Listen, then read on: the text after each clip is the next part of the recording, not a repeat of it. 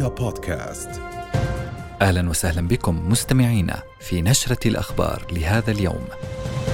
دوت صافرات الإنذار مساء اليوم في القدس المحتلة جراء الرشقات الصاروخية الكثيفة التي أطلقت من قطاع غزة. وأظهرت مقاطع فيديو الصواريخ في سماء القدس والتي طالت جميع مدن القدس كما سمع دوي انفجارات جنوب مدينة القدس جراء اعتراضات لصواريخ أطلقت من غزة هذا وأطلقت المقاومة الفلسطينية في قطاع غزة رشقات صاروخية مكثفة صوب المدن المحتلة ومستوطنات محيط غزة فيما وصلت الرشقات الصاروخية إلى مدينة القدس المحتلة. مع دخول العدوان على غزة يومه السبعين واصل الاحتلال استهداف المدنيين بغارات وقصف مدفعي مكثف تركز في خان يونس. إذ قصف مدرسة تؤوي نازحين مما أسفر عن استشهاد 12 شخصا وإصابة العشرات. كما شن غارات على منطقة الكتيبة ومخيم الانصارات وأوقع شهداء ومصابين. ولاحقا استهدف الاحتلال بنايتين في شارع المغرب وسط القطاع بصاروخين مما أدى إلى استشهاد وإصابة عدد من الفلسطينيين. في حين انتشلت طواقم الإنقاذ جثامين أربعة شهداء من تحت أنقاض منزل قصفه الاحتلال في الحي البرازيلي بمدينة رفح. وفي وقت سابق استشهد وأصيب عشرات الفلسطينيين جراء غارات استمرت منذ الليلة الماضية على أحياء الزيتون والشجاعيه والتفاح ودرج في مدينة غزة شمال القطاع. وخلال الساعة الماضية وصل 33 شهيدا إلى مجمع ناصر الطبي في خان يونس وفق مصادر طبية. ينضم إلينا من قطاع غزة مراسلنا غازي العلول. أهلا بك غازي. اذا انقطاع كامل للاتصالات. كيف هي الأوضاع في الميدان حاليا؟ محمد عمليا نتحدث عن استمرار هذه العملية العسكرية البرية. عدة مناطق ومحاور رئيسية في قطاع غزة. دعنا نبدأ من الشمال حيث مخيم جباليا بالأمس شهدنا انسحابا لقوات الاحتلال في بعض المحاور إلى منطقة التوام شمال قطاع غزة. وهذا الذي دفع الأجهزة الأمنية الفلسطينية هناك لإعادة الانتشار والتموضع في داخل المناطق شمال قطاع غزة بهدف عدم منع السرقة للمحلات التجارية أو الفوضى التي من الممكن أن تكون هناك بعد انسحاب هذه القوات، لا نتحدث عن انسحاب كلي بل هو انسحاب جزئي لبضعة مناطق ومحاور محاور وهو الأمر بطبيعة الحال الذي تفاءل به الفلسطينيون آه، في شمال القطاع على اعتبار أن الاحتلال كان قد أعلن سابقا بأن عمليته في شمال القطاع شارفت على الاكتمال والانتهاء وهو الأمر الذي دعا الفلسطينيين لتفسير هذه الأخبار وهذه المقولات على أن آه، من الممكن أن يعودوا في أي وقت من الأوقات إلى شمال القطاع. ولكن ما نشهده في مدينه غزه مخالف تماما لهذه الأخبار خاصة أن نتحدث عن استمرار العملية العسكرية في حي الشجاعية وسط صعوبة لقوات الاحتلال. من التوغل أكثر نحو عمق هذا الحي بالنظر إلى المقاومة المستميتة الرجال الذين يسطرون بطولات عمليا من خلال استهداف الآليات العسكرية وأيضا آه، آه، تمكنهم من آه، قتل عدد كبير من جنود الاحتلال غالبيتهم من الضباط من لواء جولاني وهو اللواء المسؤول عن هذه الحرب البرية يعني نتحدث عن إنجازات على الأرض.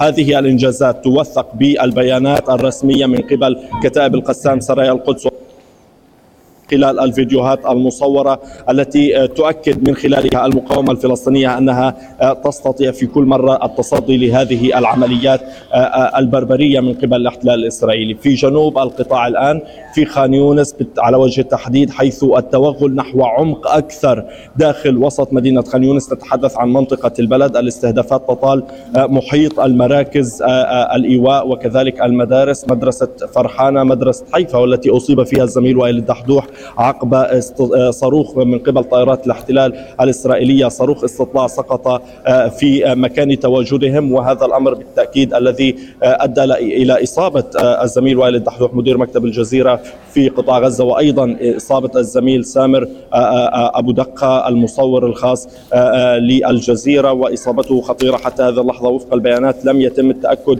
إذا ما كانت أجهزة أو أطقم الإسعاف وكذلك بعض المواطنين من إجلاء الزميل سامر باتجاه مجمع ناصر الطبي ووصفت إصابته في حينها بالخطيرة وهو الأمر الذي بصراحة دعا الحركة الصحفية هنا للقلق حول مصيره وطبيعة هذه الإصابة التي آه، آه، أصيب بها خلال مهمة عملية. وكذلك أيضا الاستهدافات التي لم تتوقف في كل محيط هذه المراكز التابعة لوكالة غوث وتشغيل اللاجئين الفلسطينيين. وهو أمر بصراحة يدلل على أن الاحتلال ذاهب نحو تعميق عمليته العسكرية إلى العمق آه، مدينة خان يونس بحثا عن تحقيق أهداف فشل فيها في المرحلة الأولى ويفشل فيها اليوم بعد سبعين يوما من الحرب وهي المتعلقة باستهداف استعادة أو تحرير أسرى في قبضة المقاومة أو حتى آه، آه، القضاء على قادة المقاومة الفلسطينية كما يدعي ويقول آه، في بياناته وفي أخباره. هذا الأمر بالتأكيد يعني يتصادف أو يتصادم مع مقاومة فلسطينية باسلة في هذا المحور على وجه التحديد. اليوم المقاومة الفلسطينية أعلنت عن تدمير أربع آليات عسكرية من نوع دبابة مركفة ثلاثة داخل خان يونس بالإضافة إلى الاشتباكات مع القوات الراجلة والخاصة والمشاة التي تتقدم نحو عمق هذه المدينة. بطبيعة الحال التكتيك المتبع منذ بداية الحرب هو غطاء ناري واسع يدمر الأبنية السكنية فوق رؤوس ساكنيها وهو الأمر الذي يمهد لهذه الآليات للدخول إلى عمق المدن أو المناطق التي ينوي الاحتلال الدخول فيها أكثر وأكثر. هذا بنظر في المرحلة الأولى في شمال القطاع وفي مدينة غزة. أيضا هنا في رفح آه، آه، آه، صباح هذا اليوم أو فجر هذا اليوم شهدنا اشتباكات عنيفة في المناطق الشرقية وهي المرة الأولى التي تتوغل فيها آليات الاحتلال وقواته الراجلة إلى الشرق من مدينة مدينة رفح عفوا وبالتأكيد الاستهداف أو التصدي كان من قبل المقاومة حاضرا في حينه. وهذا الأمر الذي دفع الاحتلال للتراجع وآلياته نحو الخلف. أيضا أريد الحديث عن قضية انقطاع الاتصالات آه، آه، والإنترنت عن كل قطاع غزة لليوم الثاني على التوالي. الآن أمضينا 24 ساعة من هذا الانقطاع وهو الأمر الذي يقلق الفلسطينيين الذين لا يستطيعون بطبيعة الحال الاطمئنان على ذويهم في مناطق أخرى سيما أننا نتحدث عن آه، يعني مشكلة حقيقية وهي المرة الخامسة التي يعني تصادف في هذه الحرب. نتيجة استهداف الاحتلال لأبراج الإرسال لمقاسم تزويد الاتصالات وكذلك أيضا عدم توفر الوقود الذي يشغل بطبيعة الحال شركة الاتصالات ومقاسمها العامة داخل الشوارع. وهو الأمر بطبيعة الحال يتزامن مع حالة إنسانية صعبة متعلقة بالنازحين نتحدث عن قرابة مليون وتسعمائة ألف نازح داخل قطاع غزة خرجوا من منازلهم يفترشون بعض الخيام وغالبيتهم كذلك في العراء دون أن تتوفر لهم أي من أساس أساسيات هذه الحياة الكريمة. غازي العلول مراسلنا من غزة. كنت معنا. شكرا جزيلا لك. هذا ويواصل الاحتلال الإسرائيلي استهداف المربعات السكنية في رفح جنوب قطاع غزة وتحديدا المناطق التي لا يزال يدعي أنها آمنة ويدعو الغزيين للجوء إليها. أصيب مراسل قناة الجزيرة وائل الدحدوح ومصورها سامر أبو دقة بجروح أثناء تغطيتهما قصفا للاحتلال بخان يونس.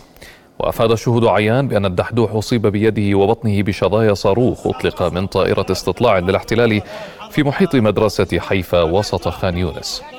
وذكر الشهود أن سيارات الإسعاف لم تتمكن بعد من نقل المصور أبو دقة ومصابين آخرين بسبب حصار آليات الاحتلال للمنطقة المستهدفة بالقصف الجوي.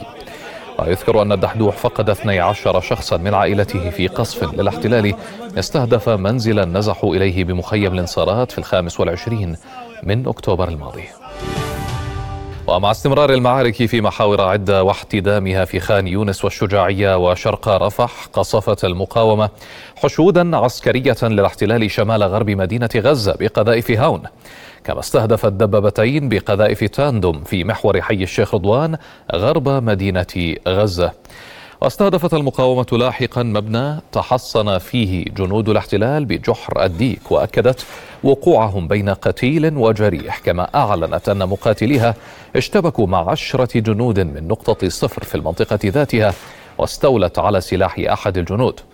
وكانت المقاومة أعلنت أمس أن مقاتليها تمكنوا من قتل 36 جنديا وتدمير 72 آلية عسكرية في القطاع خلال 72 ساعة أي بمعدل دبابة في كل ساعة.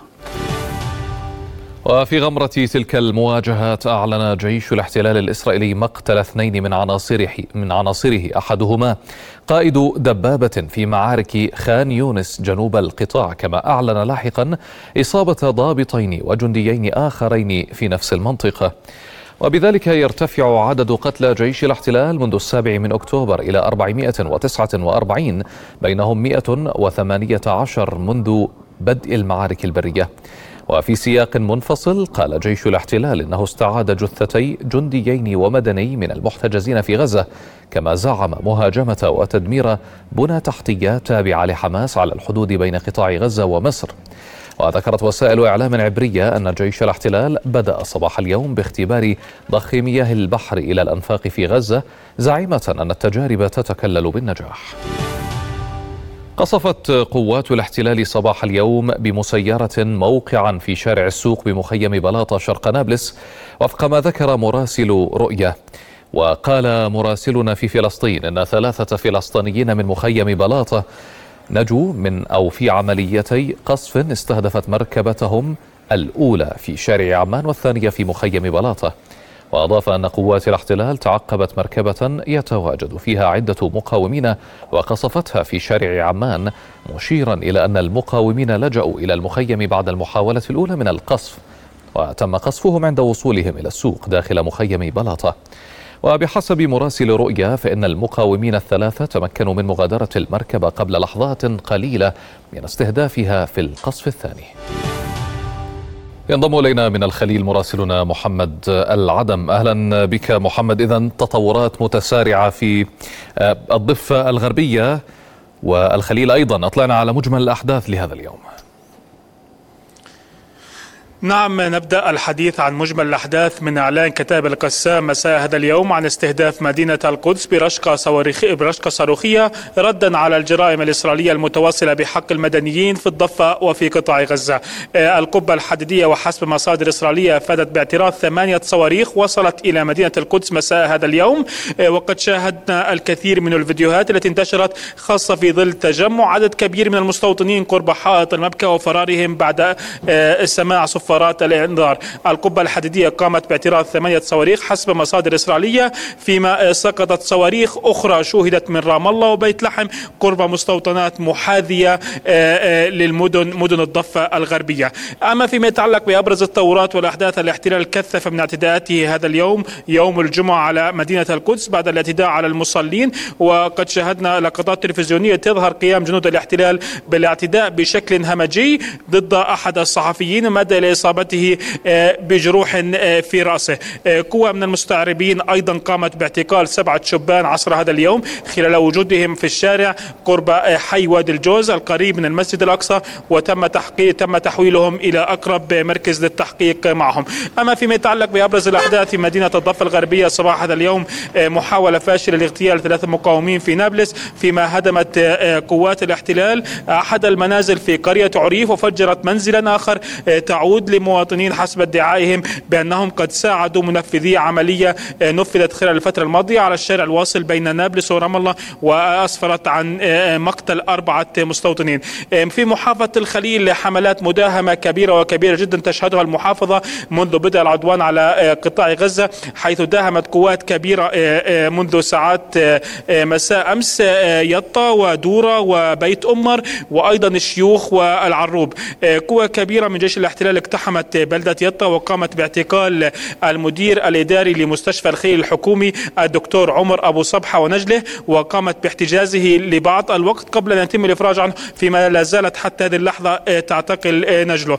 أيضا قوات الاحتلال فور اقتحامها يطا قامت بمصادرة عشرات العشرات من مركبات المواطنين واعتدت عليهم بوابل من قنابل الغاز والقنابل الصوتية خاصة مع ساعات الفجر الأولى باتجاه منازل المواطنين مدى إلى إصابة العشرات من العائلات. العائلات بحالات اختناق وأيضا إصابة الكثير من الأطفال الصغار بحالات الهلع جراء القنابل الصوتية الكبيرة. في بيت أمر شمال الخليل أيضا قوة كبيرة من جيش الاحتلال اقتحمت المنازل ونشرت رعبها باتجاه الأطفال حيث قامت بتفجير عشرات الأبواب وأيضا الاعتداء على المواطنين ومصادرة عدد مركبات. الاحتلال منذ ما يقارب ثلاثة أسابيع يشن حملة كبيرة في محافظة الخليل. هذه الحملة تتركز على استهداف المركبات. حسب ادعائه بأنها مركبات غير قانونية مع حلول ساعات المساء يوميا يقوم باقتحام محافظة الخليل وقراها بشكل كبير ويقوم بمصادرة العشرات من المركبات واقتياد سائقيها إلى أقرب حاجز أو إلى أقرب مستوطنة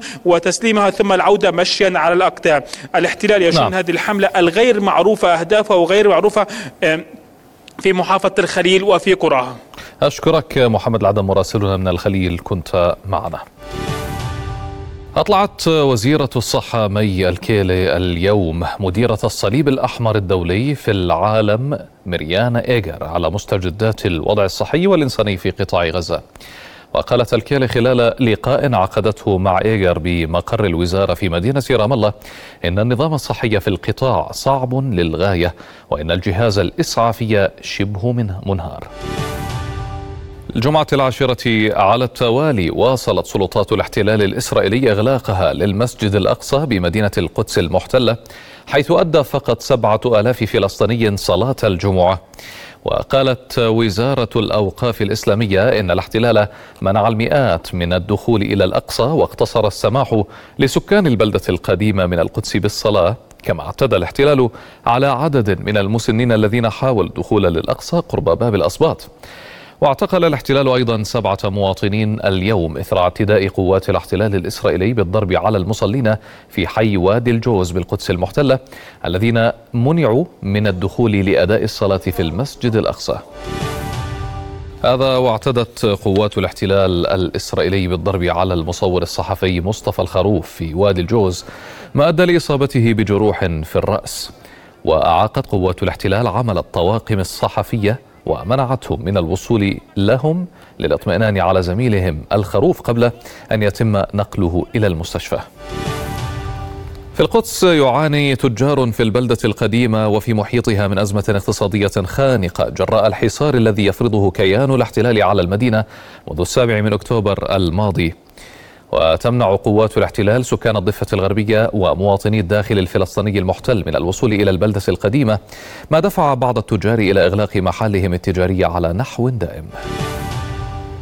أكد الرئيس الفلسطيني محمود عباس ضرورة وقف عدوان الاحتلال المتواصل على الشعب الفلسطيني من خلال الوقف الفوري لإطلاق النار وحرب الإبادة الجماعية خاصة في قطاع غزة من أجل تجنيب المدنيين ويلات القصف والقتل والدمار الذي تقوم به آلة القتل الإسرائيلية.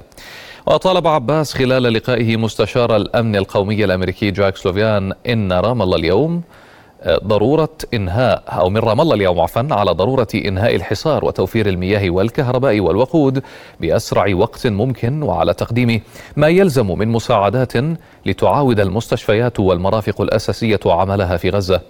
وشدد عباس على ضرورة تدخل الإدارة الأمريكية لإلزام الاحتلال لوقف عدوانه على الفلسطينيين في الضفة الغربية بما فيها القدس المحتلة مجددا رفض التهجير القسري للشعب الفلسطيني.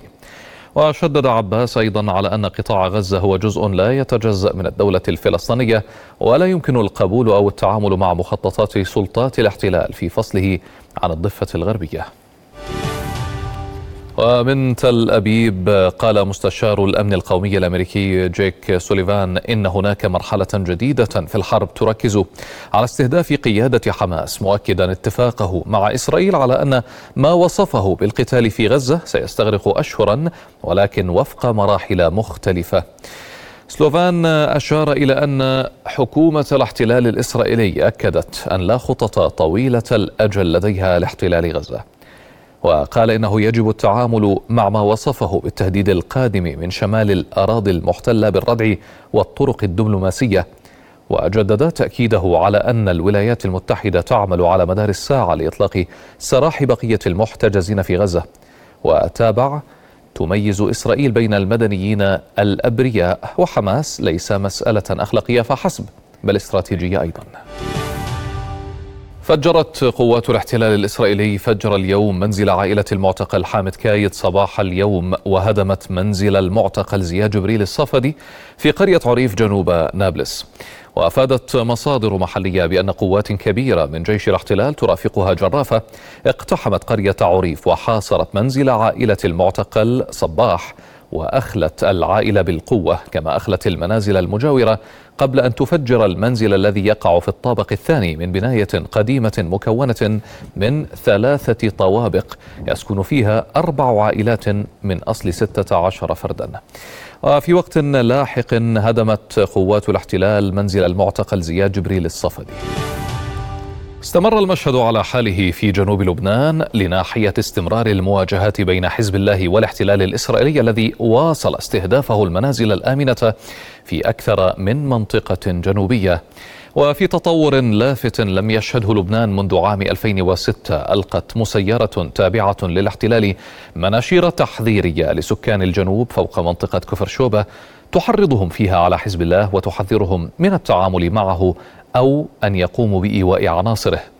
وردا على المناشير أصدرت بلدية كفر شوبة الجنوبية بيانا أكدت فيه خلو البلدة من السلاح والعناصر المسلحة والمظاهر المسلحة باستثناء الجيش اللبناني وقوات اليونيفيل. وعلى وقع هذا التطور تواصلت الاعتداءات الإسرائيلية على البلدات الجنوبية إذ استهدف قصف مدفعي محيط, محيط بلدات في الجنوب. كما أطلقت مسيرة تابعة للاحتلال صاروخا على منزل في يرين واستهدف القصف المعادي أطراف اللبونة والظهيرة وعلم الشعب وكذلك بلدة كفركلة وتلة العويضة في أطراف بلدة الطيبة. وخلف التصعيد العسكري الذي يشهده أو يشهده الجنوب اللبناني مروحة اتصالات مكثفة ومعمقة تحتدم على عدة مستويات في عواصم القرار الكبرى ومع الاحتلال الإسرائيلي لتحديد الخيارات الحقيقية والواقية للمرحلة المقبلة وخصوصا ما يتصل بتطورات الموقف على الحدود الملتهبة منذ الثامن من تشرين الأول الماضي. افتراضات كثيرة تطرح على الطاولة وعروض وطروحات بشأن إبعاد حزب الله عن الحدود الشمالية. ذكرت وكالة الأنباء الفرنسية نقلا عن مسؤول أمريكي أن سفينة ترفع علم ليبيريا في البحر الأحمر تعرضت لقذيفة انطلقت من منطقة خاضعة لسيطرة الحوثيين في اليمن ما أدى لنشوب حريق فيها ومن دون وقوع إصابات. ولاحقا أعلنت جماعة الحوثي في بيان استهداف سفينتي حاويات متجهتين إلى كيان الاحتلال الإسرائيلي بصاروخين. وذكرت الجماعة أن استهداف السفينتين جاء بعد رفض طاقميهما الاستجابة لنداءات القوات البحرية اليمنية ورسائل تحذيرية نارية. وصرحت الجماعة في بيانها أنها ستمنع كافة السفن المتجهة إلى الموانئ الإسرائيلية من الملاحة في البحرين العربي والأحمر إلى حين إدخال المساعدات إلى قطاع غزة. وكان الحوثيون أعلنوا أمس الخميس مسؤوليتهم عن تنفيذ عملية عسكرية ضد سفينة حاويات تابعة لميرسك وإصابتها مباشرة بطائرة مسيرة لكن شركة الشحن الدنماركية نفت الأمر وقالت إن السفينة لم تصب. ينضم إلينا من استديوهاتنا في رام الله المحلل السياسي سعد نمر.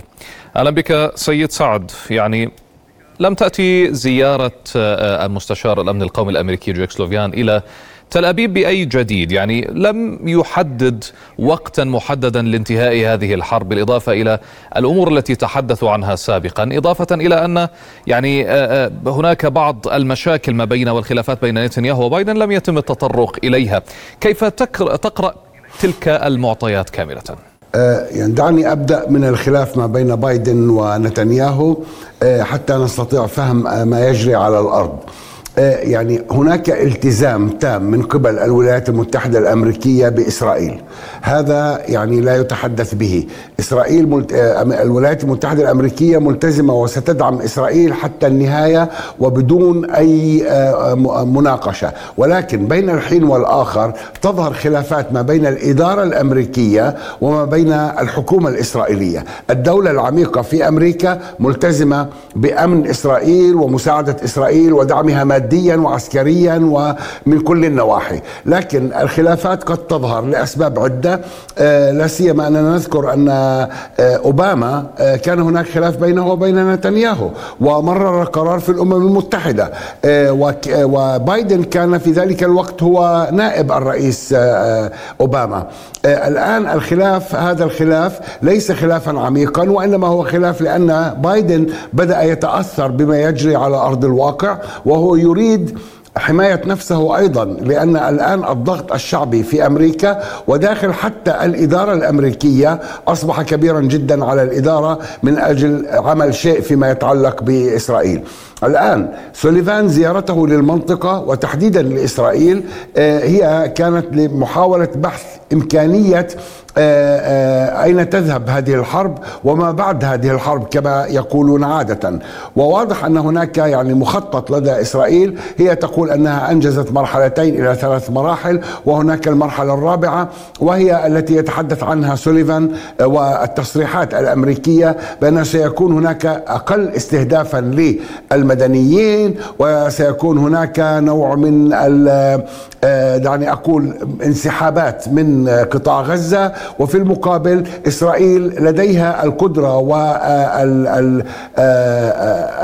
والدفاع عن الدفاع واطلاق النار على غزة وعلى أي أهداف في غزة في أي وقت يرونه مناسبا. وبالتالي هذه فترة مفتوحة مثل ما ذكر جالنت أن هذه الحرب قد تأخذ أشهر. وهذه هي المرحلة الرابعة. سينسحبون من قطاع غزة ومع إبقاء الباب مفتوحا لاطلاق النار في أي وقت يرونه مناسبا وعلى أي أهداف يرونها مناسبة. وبالتالي ليس إنهاء للحرب وليست هدنة ولكن شيء ما بين هذا وذاك. وبناء على ذلك أعطيت إسرائيل مزيد من الوقت من قبل الولايات المتحدة الأمريكية. ولكن سيد سعد يعني أنت تتكلم وتقول بأنه قد يخرجون من قطاع غزة ويعودون ببعض المناورات البسيطة.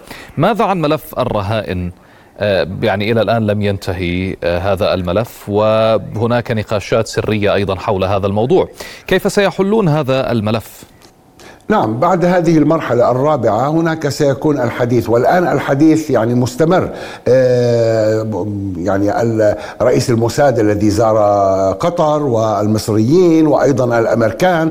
الآن هناك يعني نوع من المباحثات. إصرار المقاومة الفلسطينية على عدم الذهاب لمفاوضات شاملة إلا بوقف إطلاق النار. وهذا المخرج الذي يحاول الآن الوصول له سواء كان سوليفان عندما وصل وأيضا الحكومة الإسرائيلية. هذا الملف يضغط على إسرائيل ويريدون تحقيقه بأي بأي ثمن. ولكن نتنياهو شخصيا يعتقد أنه بإمكان الجيش تحرير بعض الرهائن مما يظهره بمظهر المنتصر ولو بقضية بسيطة أو بشيء بسيط ليسجله على نفسه كانتصار. ولكن المفاوضات مستمرة على الأقل من من الجانب الإسرائيلي والأمريكي والقطري. المقاومة تقول لا نستطيع أن نفاوض دون وقف إطلاق النار. وهذا ما أعتقد أنه سيكون المرحلة الرابعة التي يتحدثون عنها ولا هي تخفيف القتال وانسحاب بعض القوات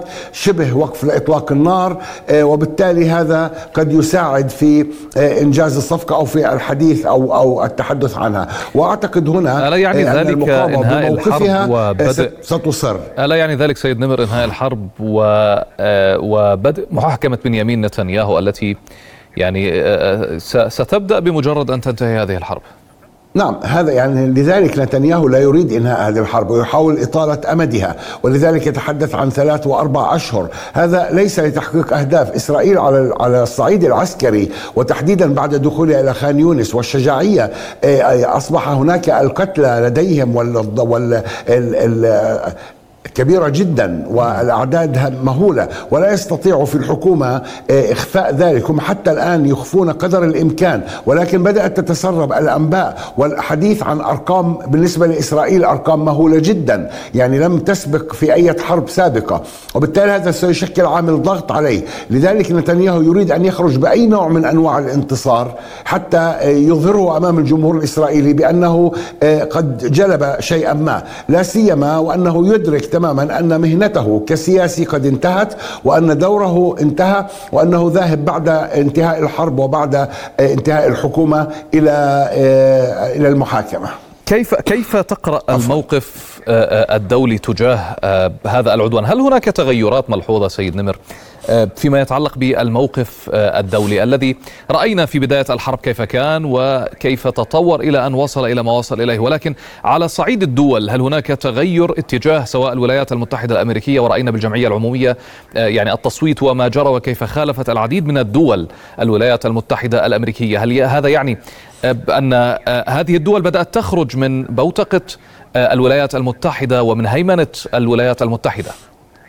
يعني إذا كنا نريد الحديث عن الموقف في آه، المجتمع الدولي إذا نتحدث على صعيد الشعوب الشعوب يعني وقفت مواقف يعني أكثر من رائعة لصالح الشعب الفلسطيني ووضعت الأمور في نصابها وضغطت على حكوماتها كثيرا. ولكن آه، إذا نتحدث عن الحكومات بشكل عام ما زال الموقف يعني ضبابيا وغامضا.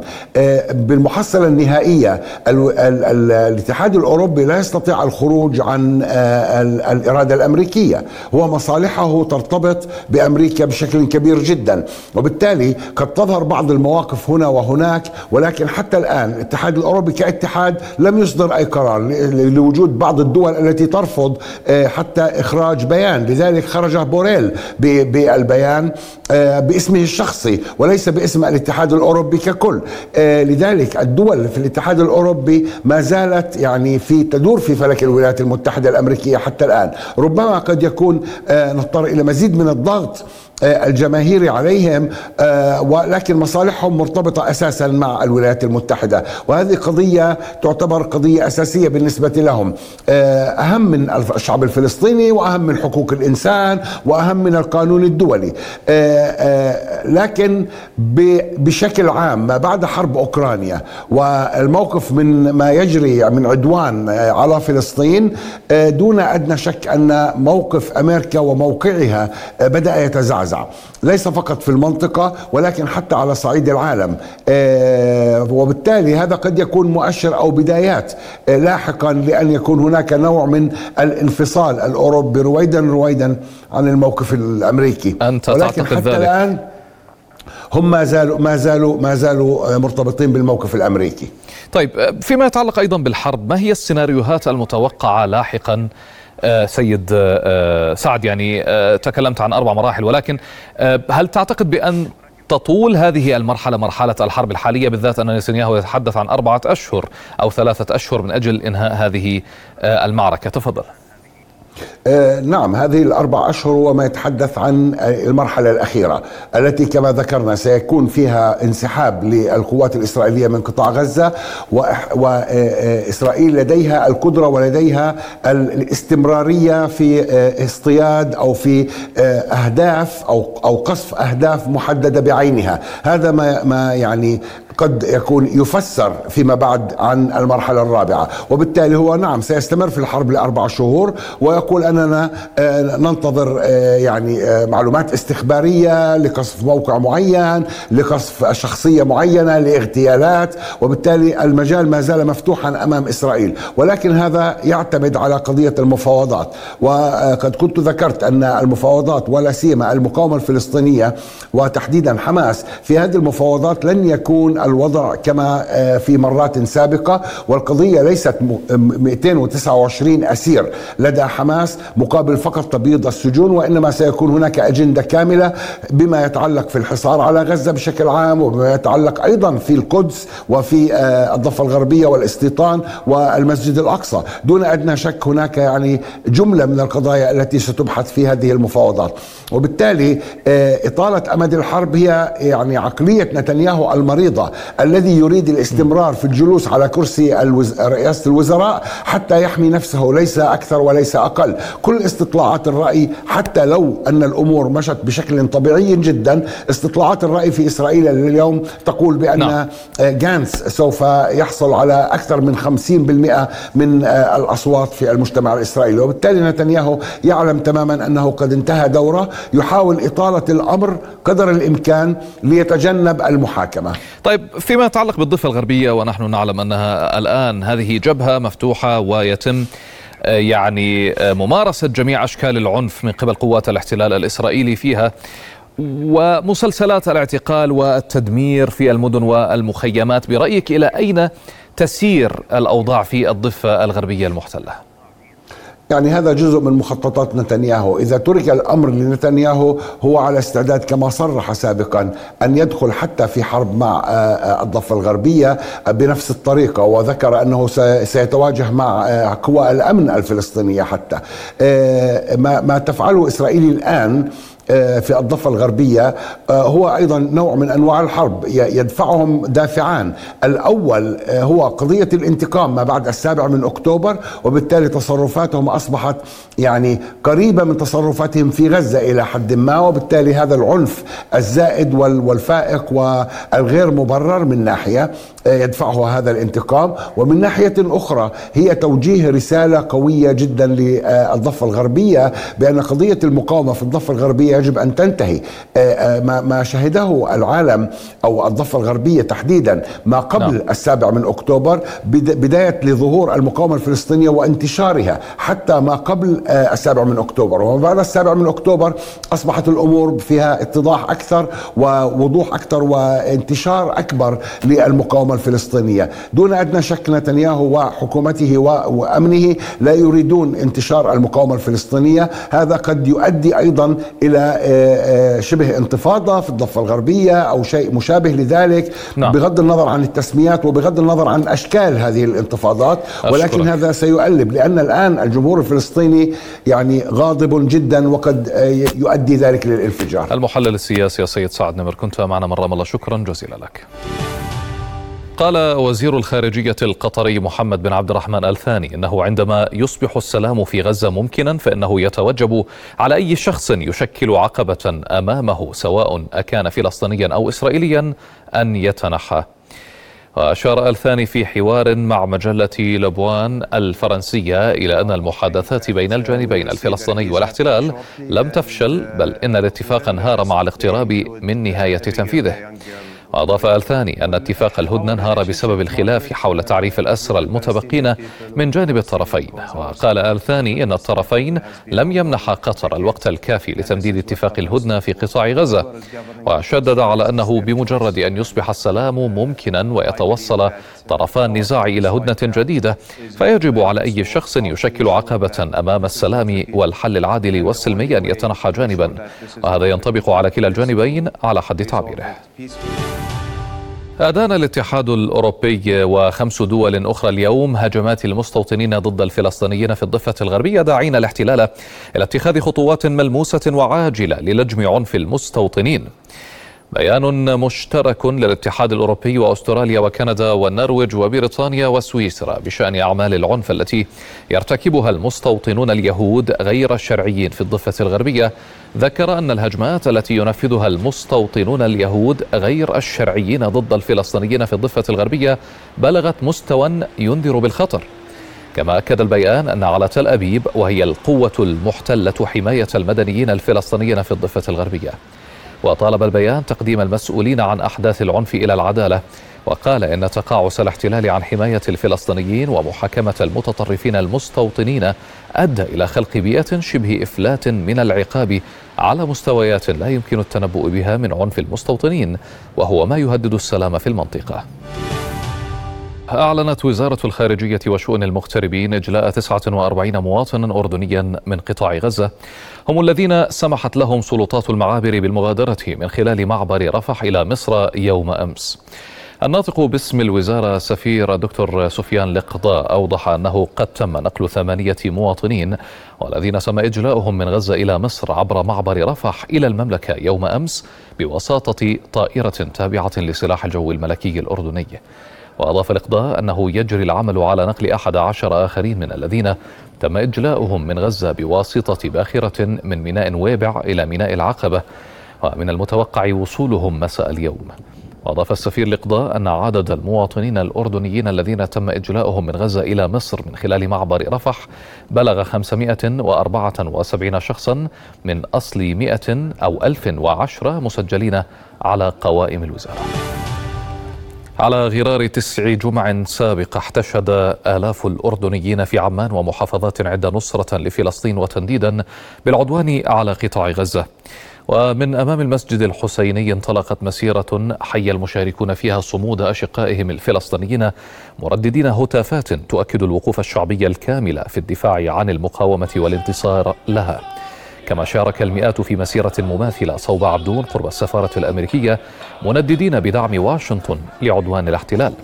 وفي المحافظات إربد والعقبة والكرك رفع المشاركون أعلام الأردن وفلسطين ولافتات تندد بمجازر الاحتلال وتطالب بحماية المدنيين وحشد كافة الجهود لوقف العدوان. هذا ويواصل أردنيون تنفيذ الوقفة التضامنية في محيط المسجد الكالوتي في الرابية وللاقتراب أكثر ينضم إلينا من هناك مراسلنا إسماعيل السلاوي أهلا بك إسماعيل. يعني ضعنا بصورة الوقفة لديك وكيف بدت هذه الجمعة مقارنة بالجمعات الماضية؟ آه، محمد في الأسابيع الأولى كنا نقول في حتى الأيام العادية كنا نقول الألاف من المشاركين ثم انخفضت الأعداد لنقول المئات.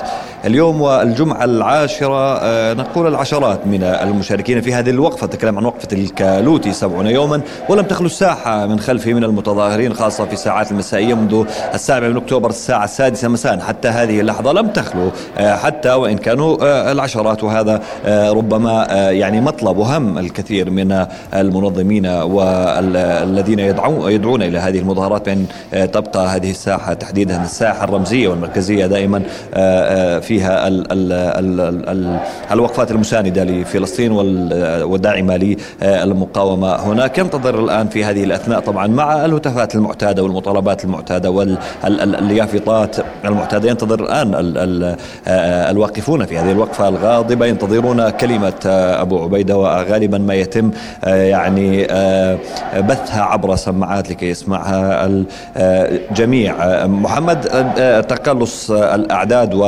وانخفاضها يعود لعوامل عدة منها أيضا انخفاض درجات الحرارة ومنها توزيع آه، الفعاليات. اليوم الجمعة كما ذكرت كان هناك أكثر من فعالية في عمان ومع ذلك تبقى آه، يعني هذه آه، الفعالية وهذه المكان يجب أن لا يخلو الآن هكذا في الذهن الجمعي لدى المتظاهرون في عمان أن لا تخلو ساحة في كالوت القريبة والتي تبعد أقل من كيلو متر عن سفارة العدوان والذين يطالبون بإغلاقها بالكامل ليس فقط يعني طرد السفير إنما إغلاقها وإنهاء كل العلاقات مع إسرائيل السياسية السياسية والاقتصادية آه، وغيرها طبعا من آه، الاتفاقيات والعلاقات. هذا الوضع من هنا محمد نعم. يعني آه، بشكل عام. هناك دعوات كانت اليوم في مسيرات الجمعة وحتى في هذه الوقفة لإعادة الإضراب يوم الاثنين المقبل كالإضراب الذي مضى الاثنين السابق والماضي والذي يعني أثبت نجاحه.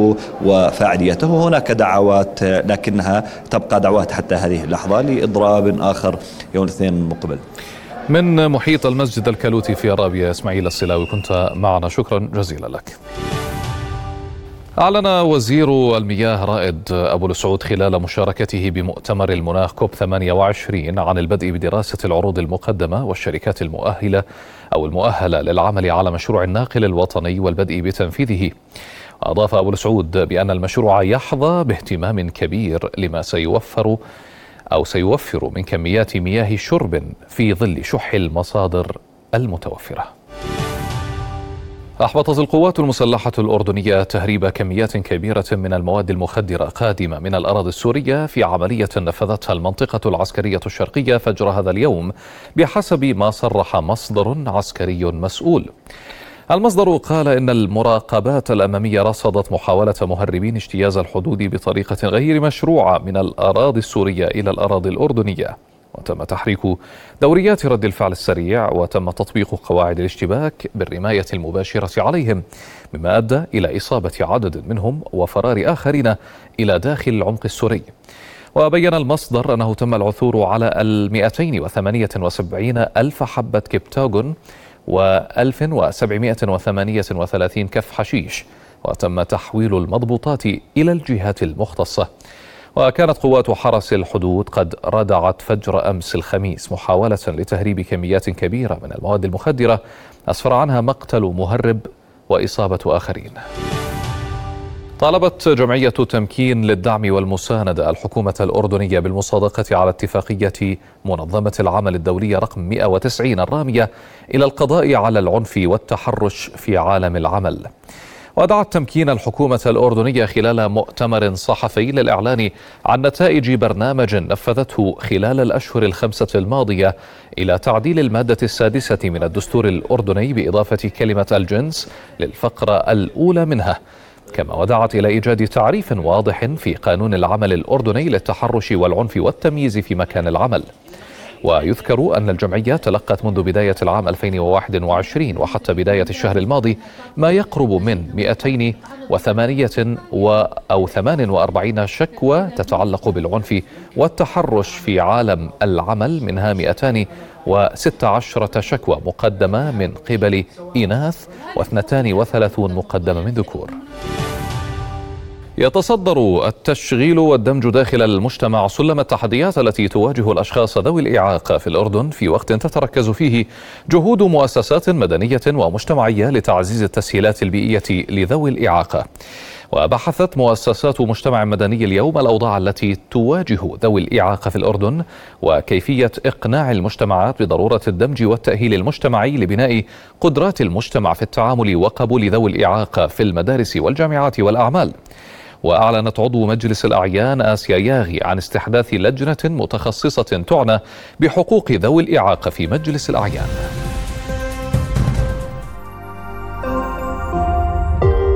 رؤيا بودكاست